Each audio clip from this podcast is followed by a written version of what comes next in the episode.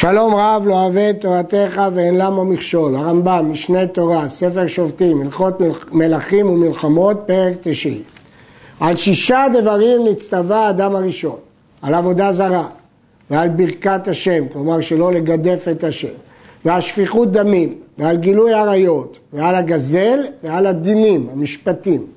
אף על פי שכולם קבלה הם בידינו ממשה רבנו, והדעת נוטה להם, מכלל דברי התורה ייראה שעל אלו נצטוו. הגמרא במסכת סנהדרין מביאה ראיה מהפסוקים שהאדם הראשון נצטווה בהם.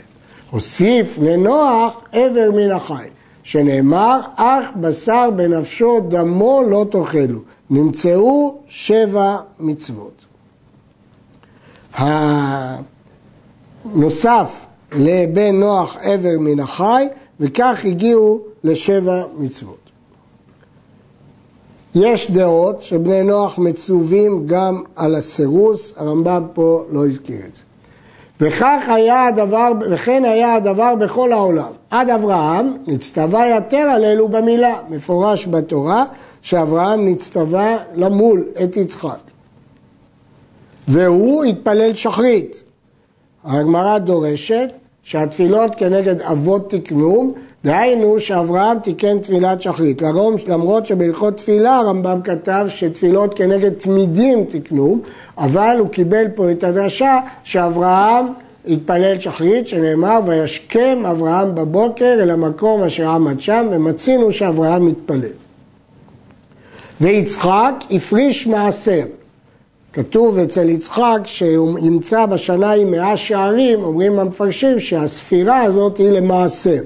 הרעב"ד הוסיף שגם אברהם הפריש מעשר, כשמצינו כשהוא זכה ברכוש של לוט, הוא נתן למלכי צדק מעשר.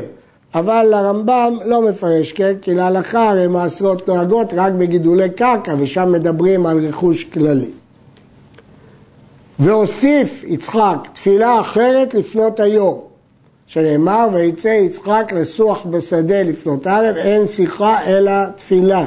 שנאמר תפילה להעניק יעתו ולפני השם ישפוך שיחו. ויעקב הוסיף גיד הנשה, מפורש בתורה, והתפלל ערבית, שנאמר ויפגע במקום ואין פגיעה אלא תפילה. ובמצרים נצטווה עמרם במצוות יתרות, עד שבא משה רבנו ונשלמה תורה על ידו. מה מקור הדברים שעמרם הצטווה במצרים, כתוב ברדווז, לא נתבהר מהם המצוות שנצטווה להם.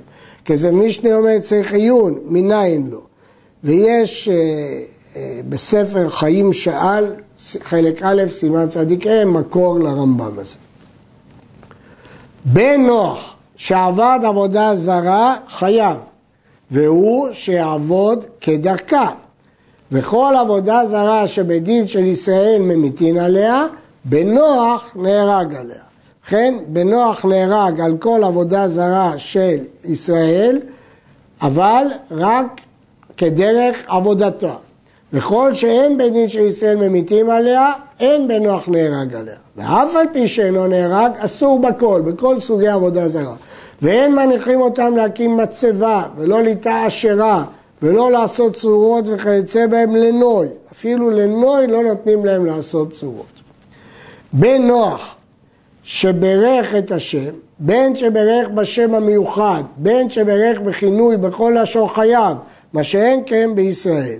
בן נוח חייב גם בכינוי, אבל ישראלי חייב רק בשמות הקדושים שלא נמחקים ולא בכינוי. בן נוח שהרג נפש, אפילו עובר במעי אמו, נהרג עליו. כי לא כתוב אצלו איש, אלא שופך דם האדם, באדם דמו יישפך. איזה אדם שנמצא בתוך אדם, זה עובר.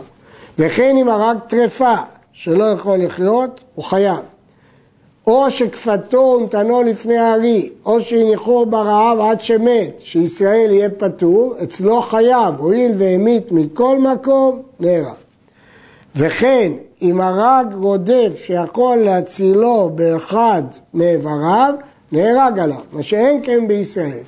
אם הנרדף ראה את הרודף, או אדם אחר ראה רודף שהולך להרוג מישהו, ויכול להצילו על ידי שהוא יפגע מאחד מאיבריו או הרג אותו, בישראל הוא לא נהרג עליו, למרות שאסור לו לעשות את זה, אבל בבן נוח הוא נהרג עליו. הרייבד מוכיח מהגמרא שגם בישראל ייתכן שנהרג עליו, הוא מתלבט, הוא מוכיח את זה מאבנר. שש עריות אסורות על בני נוח, האם ואשת האב ואשת איש ואחותו מאמו וזכור ובהמה, שנאמר על כן יעזוב איש את אביו, זו אשת אביו, ואת אמו כמשמעה, ודבק באשתו ולא באשת חברו, למעט אשת איש, ודבק באשתו ולא בזכור, והיו לבשר אחד להוציא בהמה חיה ועוף שאין והם בשר אחד. ונאמר, אחותי בת אבי אך לא בת אמי ותהי לאישה, משמע שדווקא בת אמו אסורה. בן נוח חייב על מפותת אביו ואנוסת אביו, אפילו אם לא אשת אביו ממש, אלא רק מפותת אביו ואנוסת אביו, חייב עליה. זה מחלוקת תנאים, הרמב"ם פוסק כרבי עקיבא, שחייב על אמו מאנוסתו. הרי אמו מכל, מכל מקום, וחייב על אשת אביו אפילו לאחר מיתת אביו, וחייב על הזכור בן קטן בן גדול, ועל הבהמה בין קטנה ובין גדולה, והוא נהרג לבדו, ואין הורגים את הבהמה, שלא נצטוו בהריגת בהמה אלא ישראל. כי הבהמה היא תקלה שבאה לישראל תקלה על ידה, אבל לגבי גוי לא הורגים את הבהמה, כי אין קלון בזה לגוי. אין בנוח חייב על אשת חברו עד שיבוא עליה כדרכה, אחר שנבעלה לבעלה, אבל מאורסה, או שכנסה לחופה ועדיין לא נבעלה, אין חייבים עליה, שנאמר והיא בעולת בעל. אצל גויים דווקא אם היא בעולת בעל, אצל ישראל אפילו אם הוא מאורסה הוא חייב עליה. במה דברים אמורים? בבן נוח שבעל בת נוח, אבל גוי שבעל ישראלית, שאצלה הרוסים קובעים, בין כדרכה, בין שלא כדרכה, גם שלא כדרכה, חייב. ואם הייתה נערה מאורסה, נסכל עליה, כדיני ישראל. באה עליה אחר שנכנסה לחופה ולא נבהלה הרי זה בחנק, כדיני ישראל. אבל אם באה על אשת ישראל אחר שנבהלה, הרי זה כמי שבא על אשת גוי חברו ויהרג בסלף. לסיכום, גוי שבא על אשת חברו או על אשת ישראל בסייף, על ארוסת חברו פטור, ארוסת ישראל בסקילה, נכנסה לחופה ולא נבהלה, על גויה פטור ועל אשת ישראל בחנק. בן נוח שייחד שפחה לעבדו. הרי זה נהרג עליה משומשת חברו, כיוון שהיא כבר מיוחדת לו, למרות שהוא לא בא עליה. ואינו חייב עליה עד שיפשוט הדבר ויאמרו לעם, זו רביית עבד פלוני, כולם יודעים שהיא שייכת לו. וממתי תחזור ליתרה? משיפרישה לה מעבדו ויפרע ראשה בשוק, אז ברור שהיא כבר לא אשתו. וממתי תהיה אשת חברו כגרושה שלנו, הרי אין להם גיטין, משיוציאה מביתו וישלחנה לעצמה. ברגע שהוא הוציא אותה מהבית ושילח אותה, אז היא כבר נחשבת שהיא לא אשתו. כי כתוב, ותהי לא לאישה כל עוד הוא רוצה. ואין, שאין להם גירושין בכתב, ואין הדבר תלוי בו בלבד. כל מה שירצה הוא או היא לפרוש זה מזה פורשים, לא כמו אצל ישראל שהוא מגרש אותה. בן נוח חייב על הגזל, בין שגזל גוי, בין שגזל ישראל, אחת ממצוות בני נוח. ואחד הגוזל או הגונב ממון, או גונב נפש, או הקובע שכר שכיר וכיוצא בו, אפילו פועל שאכל שלא בשעת מלאכה, על הכל חייב והרי הוא בכלל גזלן. מה שאין כן בישראל שזה דינים שונים. וכן חייב על פחות משווה פרוטה, כי כל השיעורים ניתנו רק לישראל, הלכה למשה מסיני. אצל נוח זה לא תלוי בפרוטה. אלא בחשיבות שלו. וכן נוח שגזל פחות משווה פרוטה ובא אחרי וזלה ממנו, שניהם נהרגים עליה. וכן חייב על עבר מן החי ועל בשר מן החי בכל שהוא, שלא ניתנו השיעורים אלא לישראל בלבד, לא שייך כזית אלא כלשהו, אין שיעורים אצל גויים, ומותר הוא בדם מן החי. אחד העבר או הבשר הפורש מן הבהמה או מן החיה, עבר מן החי זה גם מבהמה וגם מחיה. אבל העוף, יראה לי שאין מנוח נהרג על עבר מן החי ממנו. הראב"ד חולק וסובר שהעוף חייב ורק על שרץ הוא פטור. ולכאורה מפורש בגמרא בחולין כדברי הראב"ד.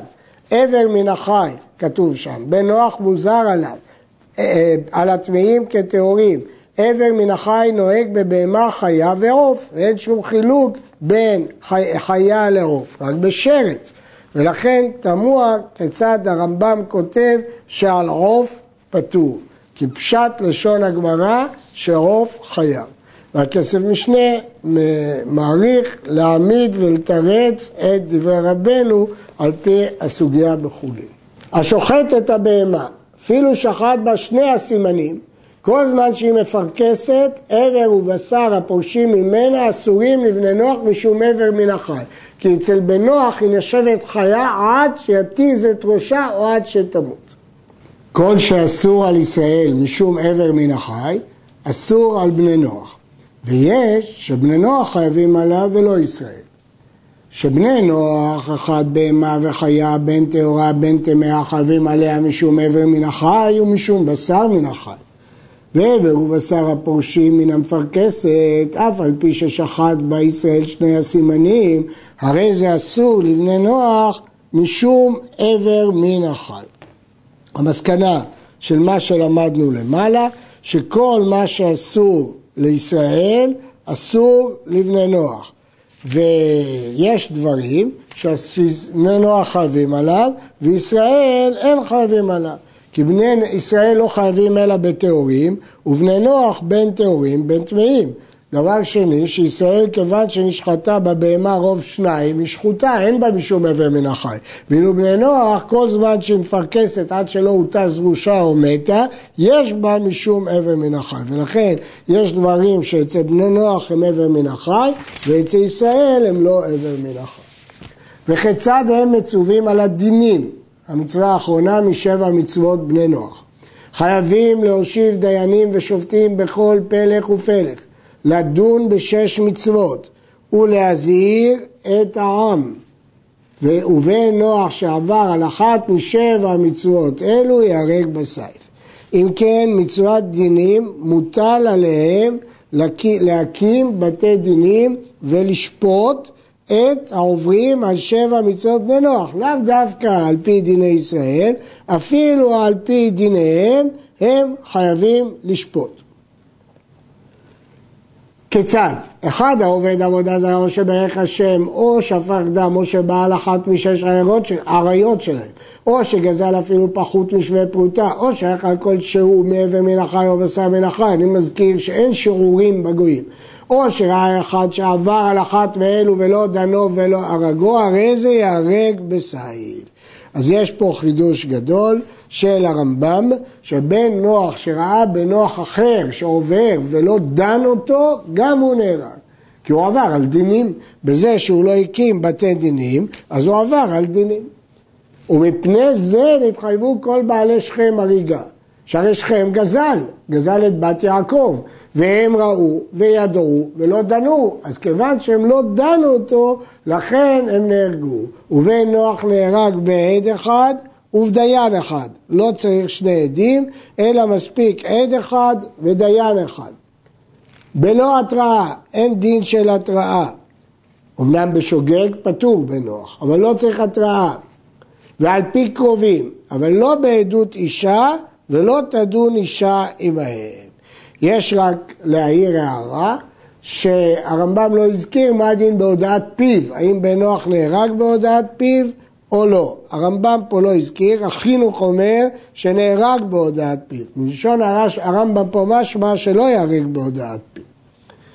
עוד יש להעיר שהרמב"ם נימק את החיוב של בעלי שכם בהריגה מפני שהם לא דנו את שכם. הרמב"ן, בפירושו על התורה, וגם בהשגותיו לספר המצוות, חולק על זה. והרמב"ן אומר, מה שכתב שהדינים הוא להושיב דיינים, בסוגיה בסנהדרין משמע דינים הם דיני גניבה והונאה. כלומר הרמב"ן הבין שהמצווה השביעית של בני נוח, שזה דינים, הכוונה משפטים של בן אדם לחברו, דיני ממונות.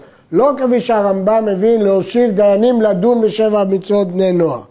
ולכן הוא אומר, זה שבני שכם לא דנו את אה, שכם, לא על זה הם התחייבו הריגה.